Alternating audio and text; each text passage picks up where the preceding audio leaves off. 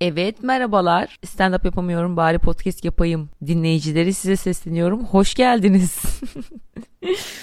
Çok eğlenceli bir bölüm bizi bekliyor e, diye düşünüyorum. Yani inşallah mutlu olursunuz bu bölümden. Geldiğim birkaç günü anlatan yaşadığım trajikomik olayları özetlemeye çalıştığım bir bölüm siz bekliyor efendim. İnşallah memnun kalırsınız.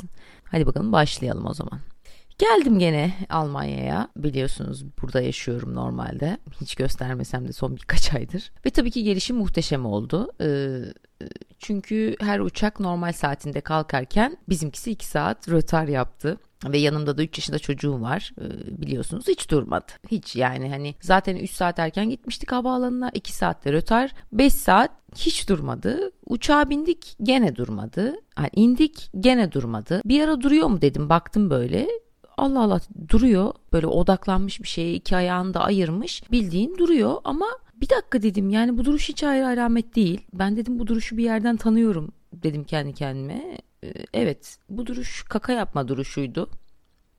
Ya sanki bunlar özellikle başıma geliyor podcast'te materyal çıksın diye bir oldu ama yani ya bakın Frankfurt'a yeni indik bavulu almaya gidiyorum elimde dört tane çanta var kabin bavulu var ve kaka yapıyor Arlat. Ve ben kaka yapmanın zamanı mı oğlum diyemiyorum. Hani dur yapma diyemiyorum. Çünkü kaka ile alakalı işularımız var. Genelde kabız olduğumuz için gene birinci çoğul şahıs iki kullanmaya başladım. Hamilelikte başlıyor bu hastalık muhtemelen. İyilik iki güncellemesi geliyor. Ne yapıyor bilmiyorum. Neyse kabuz olduğu için e, kaka yaparken hep sorun yaşıyoruz. E, hani kakası gelse bile yapmak istemiyor. Hep erteliyor, geciktiriyor. Dolayısıyla hani dur yapma tuvalete kadar tut diyemiyorum. Freud'u az çok tanıyorum çünkü. Anal dönemde en ufak bir travma e, çok büyük hasarlara sebebiyet verebilir. Hani çocuğu kaka yap diye sıkıştırırsan kişiliksiz olabilir. Hiç sıkıştırmazsan serbest bırakırsan hayatı boyunca hiçbir şey başaramayacak kadar disiplinsiz olabilir. İki ucu boklu değnek yani. Hem mecazi hem literally. Neyse kucağıma aldım bunu tuvalete yetiştirmek için. Ve artık o dört tane çantayı nereme soktum, neremden sallandırdım. Bavulu iki bacağımın arasıyla mı çektim, ne yaptım hatırlamıyorum. Zaten yetişemedim tabii ki. Hepsini altına yaptı. Ve bakın nasıl bir kaka kıvamı. Yani, yani normal günde hani düz günde bu çocuk kabız dediğim gibi 365 gün 6 saatin 365 gününde bu çocuk kabız sürekli kabız yani o 6 saate denk geldik yani kabız olmadığı o mucize 6 saate ve yılda bir görüyorum ben bu kıvamı.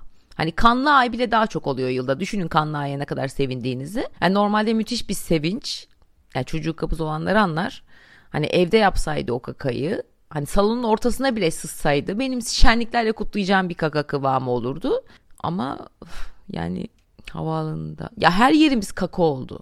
Her onun bacakları, benim kollarım, ellerim. Nasıl temizlendiğimi anlatmak istemiyorum. Sadece bizden sonra o tuvaleti kullanmak zorunda kalan o bahtsız kişiden sizin huzurunuzda özür diliyorum. Entschuldigung.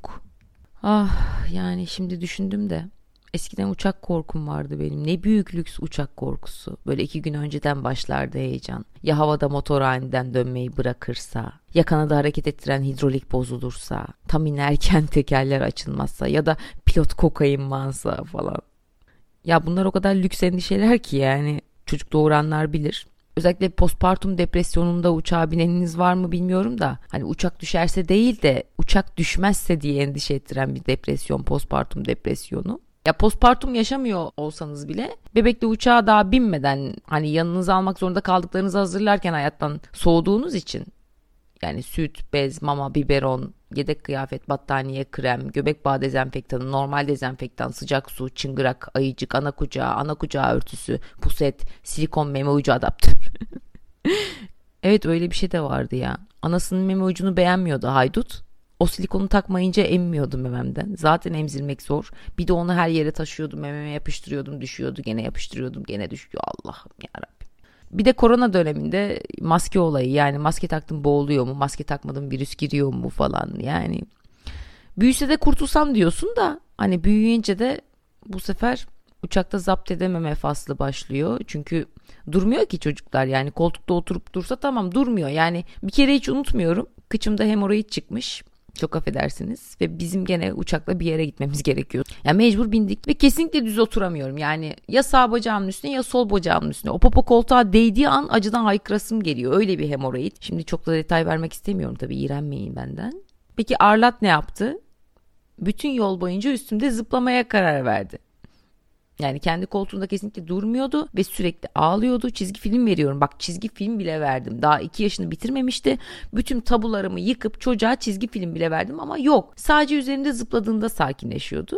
Düşünün bir hayal edin yani beni o an uçakta hayal edin. Yani bacaklarımın üzerinde şekle zıplayan bir buçuk yaşında bir çocuk. Her zıplamada kafasına darbe alan patlamaya yüz tutmuş bir hemoroid ve pencereden dışarı bakarken uçağın motoru alev alır belki diye ümitle bekleyen ben. Bir de hosteslere rezil olma durumu var uçaklarda. Yani ilk 20 günlük darlat uçağa bindiğinde basınç farkı kulaklara baskı yapıyor ya hani kulakları zarar görmesin diye emzirmek lazım bebekleri uçak kalkarken ve inerken. Emzik de vermiyordum o zamanlar alışmasın diye. Mecbur uçak kalkana kadar memem açıkta beklemiştim. Yani ilk yerleşmeden sonra kemerler bağlı, güneşlik açık, masalar kapalı, koltuklar ve sol meme dik bir şekilde bekliyorum ben kalkışı. Yani mecbur ha kalktık ha kalkıyoruz derken bütün kabin ekibi sol mememin bütün kıvrımlarını ezberlediler koridorda gide gele. Ve hostes her seferinde tam bizim koltuğun önünden geçerken bir yavaşlıyor böyle. Yani bir şey demek istiyor ama diyemiyor. Çünkü herhalde daha önce hiçbir yolcuya uçak kalkıyor memenizi kapatır mısınız diye bir uyarı yapmak zorunda kalmamış. Yani öyle bir uyarı yok literatürde, eğitimde falan da öğrenmemiştir muhtemelen. Sonra uçak hızlanmaya başladı. Millet acaba ölecek miyim heyecanı yaşıyor. Adrenalin salgılanıyor bütün uçakta. Bende de var adrenalin ama Arlat'ın ağzını tutturabilecek miyim endişesinden kaynaklanan bir adrenalin. Zaten emzirme konusunda acemiyim. Hani 300 kilometre hızla giderken 20 günlük bebeğin ağzına nasıl sıkıştıracağım diyorum bu memeyi. Yaptım bir şekilde. Yaptım. Bak gene aklıma durduk yere toz koparan İskender'in 846 metrelik ok atma rekoru geldi. ne alakası var yani. Neyse bu gelişim çok tatlı oldu ama yani geldikten iki gün sonra Amsterdam'a stand-up yapmaya gittim otobüsle. Hem de Flixbus la öyle bir şey varmış. Yani o kadar ucuz ki Avrupa'ya göre ucuz tabii de yani. Yani ne kadar ucuz olduğunu görevlinin tavrından anlıyorsun. Yani bir şoför var bir de yerleştiren adam var. E, bütün Avrupa şehirlerine yolcu taşımalarına rağmen adamlar İngilizce konuşmuyordu. Hatta adamlar konuşmuyordu. Yani biletimi gösterdim böyle QR kodu bir şekilde okuttu o kadar. Hani binersen bin binmezsen binersen ekime binmezsen sikim. sikim diye bir Avrupa şehri olsaydı bu şaka güzel olurdu ama yani. Ya duraklarda da böyle sadece yolcu indirip bindirecek kadar duruyorlar. Asla ihtiyaç molası vermiyor. Ya içeride tuvalet var otobüsün de hani yemek diye bir şey yok mu? Biz organizma değil miyiz yani? Ben de ne zannettim bilmiyorum. Has Amsterdam gibi bir şey mi bekliyordum? Ne bekliyor? Yolda yerim diye düşündüm. Hani alışkanlığımız o şekilde. Hiçbir şey almadım yanıma. Ve hiçbir yerde durmadı yani. 5 dakika duruyor yolcu alıyor gidiyor. Öldüm açlıktan ve çantamın derinliklerinde ne buldum biliyor musunuz? Lollipop. Daha önce hiç açlıktan lollipop yememiştim. Neyse anlaştım bir şekilde adamla. Bindim otobüse koltuğumu buldum. Arlat doğduğundan beri de ilk kez yalnız yolculuk yapacağım. Çok heyecanlıyım. İşte buldum yerimi. Ne göreyim? Yan koltuğumda adam var. Bayan yanı değil. Adam yanı. Saçmalamayın arkadaşlar. Böyle bir şey tabii ki sorun etmiyorum yani. De adam yatmış 2.80. Hani yayılmış. Bütün kasları da gevşek. Belli ki bütün kasları ya gördüğüm göremediğim bütün kasları gevşek. Tabii bu insana bir güven veriyor da yani adam fazla yayılmış. Çok yayılmıştı. Yani hani biraz daha az yayılsa neyse. Ya adam da siyahi. Gerçi siyahiye kızıyorlar mı bilmiyorum da. Amerika'da bir arkadaşıma size ne diyek ya niga demeyek tamam da bilek mi diyek brown mu diyek ne diyek dediğimde Afrikan Amerikan dersen güzel olur demişti. Bu da işte Afrikan Europe'un bir adam ve yayılmış dediğim gibi yani çok yay yani sanki siyahilerin otobüslere binmedikleri döneme bir gönderme yaparmış gibi yayılmış. Yani sanki atalarının geçmişte otobüste ön koltuklarda oturamamış olmasının acısını çıkarır gibi bir eylem gibi bir yayılış. Saygı duyulacak bir yayılış. Hani kıyamıyorum. Bırakayım adam yatsın istiyorum. Zaten bir sürü boş koltuk da var ama içimdeki Kezban şey dedi. Acaba dedi erkek olduğu için oturmuyor olabilir misin yanına dedi. Acaba dedi sen dedi beş buçuk saat yabancı bir adama bu kadar yakın olmak istemediğin için oturmak istemiyor olabilir misin acaba dedi. Acaba dedi acaba yıllardır dalga geçtiğim bayan yanı mevhumundan bir gerçeklik payı olabilir mi acaba dedi. Acaba dedi sen dedi birazcık dedi kezban olabilir misin? Ya susmuyor ya. İçimdeki kezban susmadı arkadaşlar. Yani hani kadar ben de Avrupalıyım, ben de Batılıyım desem de benim milli normlarım ve bazı milli travmalarım beni rahat bırakmadı. Yani çünkü gerek metoturizmin bedenlerimizde açtığı yaralar olsun, gerek işte dediğim gibi bayan yanı mevhumu olsun. O da nasıl işletme yönetmeliğine ters bir mevhumdur ya. Bu uğurda otobüslerin boş gitmeyi göze alması. Tabi bünyelerinde permütasyon konusunda deneyimli bir çalışan bulundurmuyorlar. Ya otobüs sahipleri hiç mi isyan etmedi acaba? Böyle bayanların hepsinin cam kenarında gitmek istediği için yarım kapasiteyle Edirne'den Ardahan'a yapılan bir seferin sonunda otobüs firmasının sahibi keşke herkes hermafrodit olsaydı eşeğiyle yürümeye geçilmek zorunda mıydı? Mitoz bölünmenin nesi eksikti? Şeklinde serzenişlerde hiç mi bulunmadı? Neyse işte sus diyorum içimdeki kez bana sus oturacağım yanına sana inat oturacağım sana ispat edeceğim dedim. Ben de Avrupalıyım ben de batılıyım sus be kadın dedim ama içimdeki Kezban son kozunu oynadı ve bana taytımı hatırlattı arkadaşlar. Leopar desenli tayt giymiştim. Yani içimdeki Kezban bana ne dedi biliyor musunuz? Seni aranıyor sanarlar dedi içimdeki Kezban. Bu arada taytımı merak edenler için Instagram'a koyacağım. Bakabilirler. Ya şimdi şey diyebilirsiniz madem aranıyor sanarlar diye korkuyorsun neden leopar desenli tayt giyiyorsun diyebilirsin. Öyle işte yani o da o da artık kadınlığın paradoksu mu dersiniz kadınlığın oksimoronluğu mu dersin. Yani hem giyiyoruz hem giymese miydik diyoruz böyle şeyler giydiğimizde yani en azından ben öyleyim. Yani göğsümü gere gere göğüs dekoltesi giyebilmiş değilim şimdiye kadar. Yani o tayttan da zaten aldığımdan beri emin olamadım. Hani Adidas'tan aldım ben o taytı yani bir Adidas mağazasının içinde gayet sportif ve cool gibi duran o tight mağazadan çıkar çıkmaz bambaşka bir şey gibi gözükmeye başladı gözüme. Yani öyle bir tight ki yani mesela pazarda satılsa o tight'ın bulunduğu tezgah Cougar tight'ı geldi yazarlar yani. Hatta pazarcı belki Cougar taklidi yapardı satmak için ya da tight'ı kafasına geçirip kükrerdi artık bilmiyorum. Ve 7 ay giyemedim o yüzden ben o tight'ı. 7 ay dolapta bekledi etiketiyle birlikte. Ama Amsterdam'a yolculuk yapacağım gün dedim ki yani ben bunu şimdi giymeyeceksem ne zaman giyeceğim dedim. Amsterdam'a gidiyorum dedim yani. Giymiş bulundum. Ne bileyim. Zaten biraz forma girdik diye adamız milfe çıkmış. Yani normalde ben oğluma senin anan milf oldu dedirtmem. ya acaba anasına milf dedi diye adam bıçak tövbe estağfurullah. Yok ya yani bir insan anasına milf denen bir ortamda yetişiyorsa anasına milf diyenlerin maksimum çimdikler herhalde. Ya keşke öyle bir yer olsaydı ülkemiz gerçekten. Ya anasının namusunu böyle çimdikleyerek temizleyen, aldatılınca hırsını karısından nanik yaparak çıkaran erkeklerden oluşan bir Türkiye hayal ediyorum. Yani maksimum şiddet bu olmalı benim, bence yani. Allah'tan benim çevrem böyleleriyle dolu.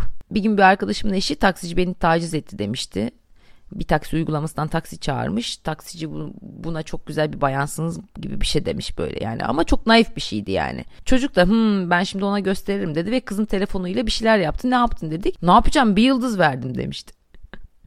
Kız bozulmuştu biraz ama ne yapsaydı yani sıfır yıldız mı evet.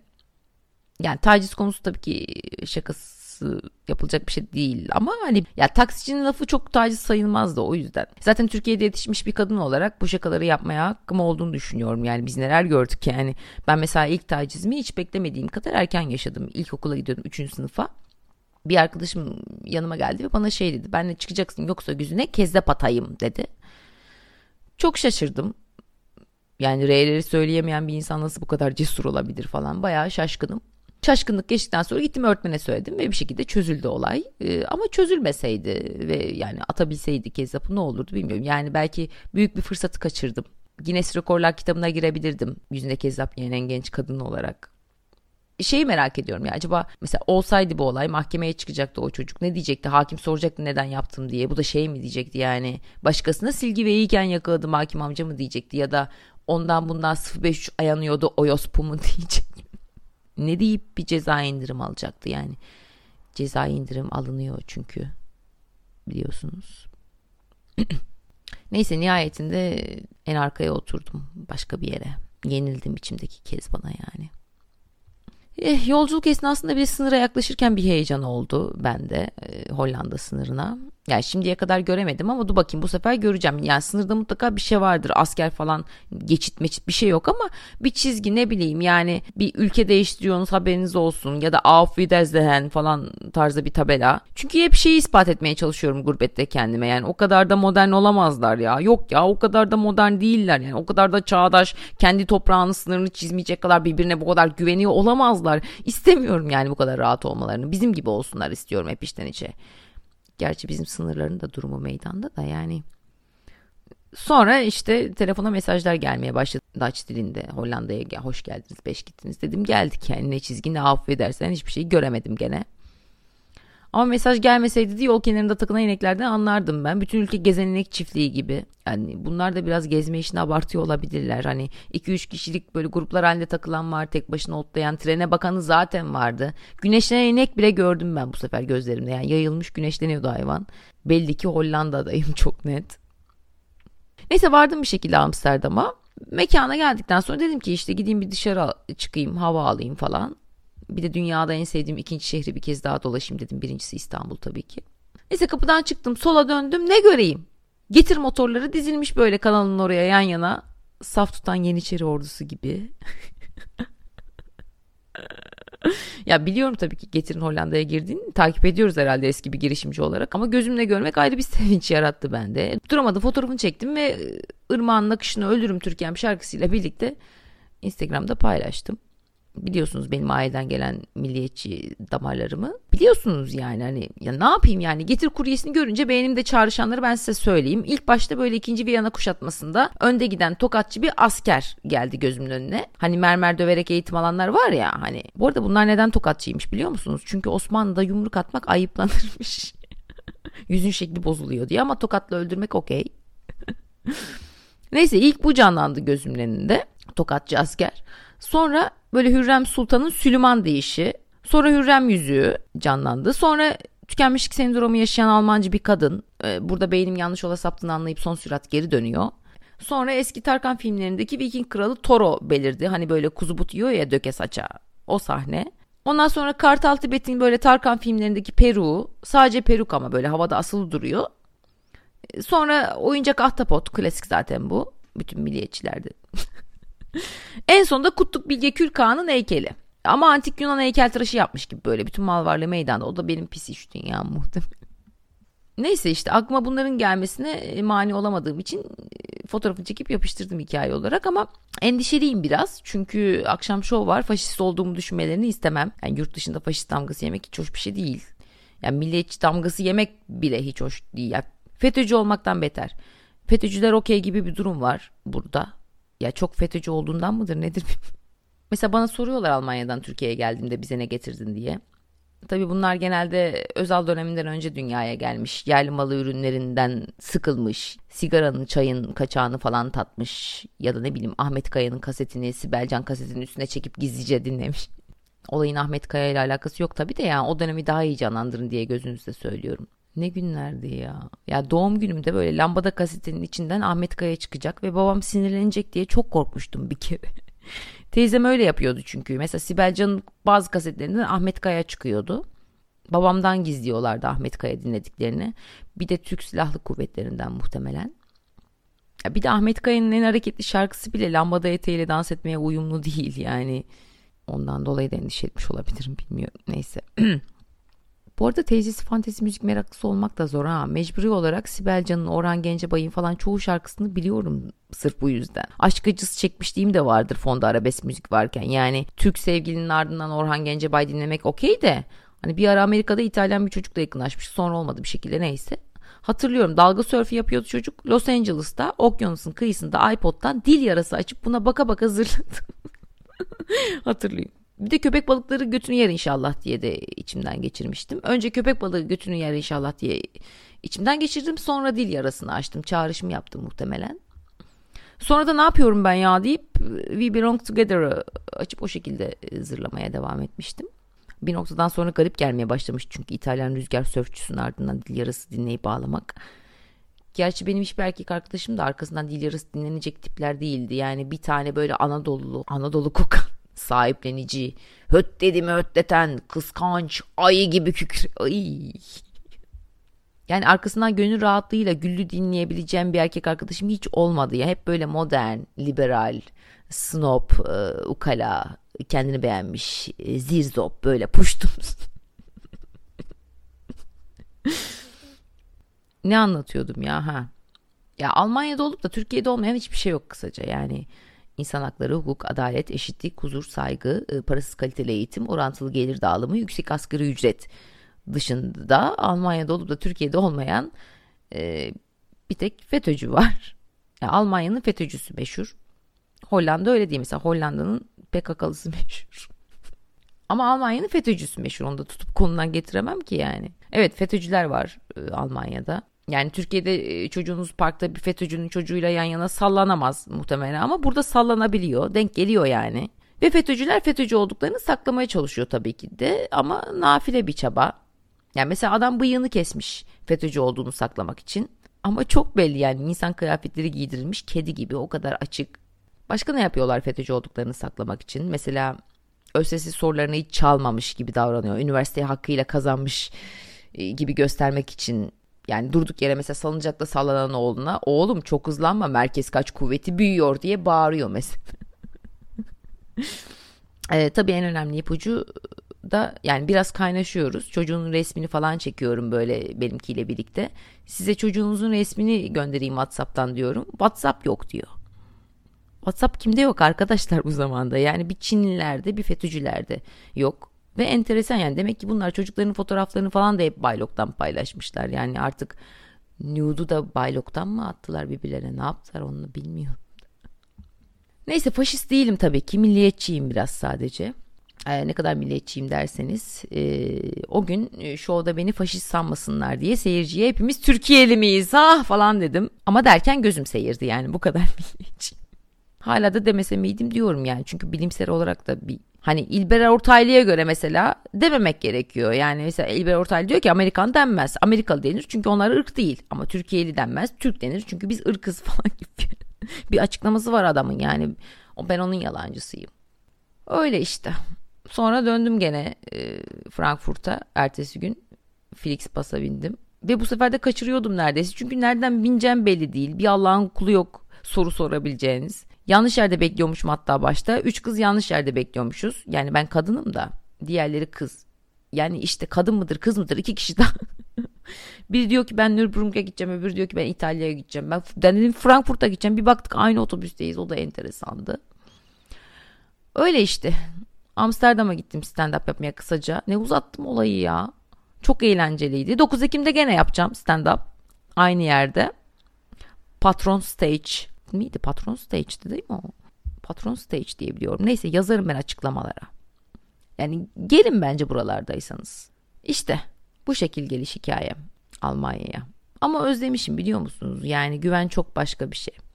Böyle yaya geçtiğinde araba geliyor mu diye bakmadan ayağını atabilmek bile gelmeye değer sanki buralara. Yani tabii uçaktan iner inmez daha körükteyken bana pasaport çıkarttırmalarını, pasaport noktasındaki polisin saçma sapan sorularını ya da kreşte oğlumla alakalı endişelerimi dile getirdiğimde herkesin de çocuğu var diye bakan gözleri özlemedim ama güven önemli yani güveni özlemişim. Bir de huzur. Huzura ihtiyacım vardı bayağıdır. Evet bu bölümde sonuna geldik. Bir sonraki bölümde görüşmek üzere. Hoşçakalın.